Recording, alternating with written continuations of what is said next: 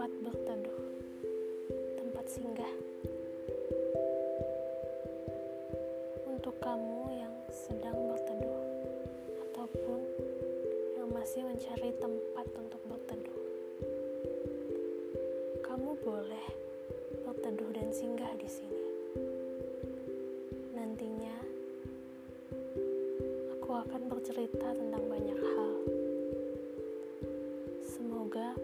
bersedia untuk mendengarnya.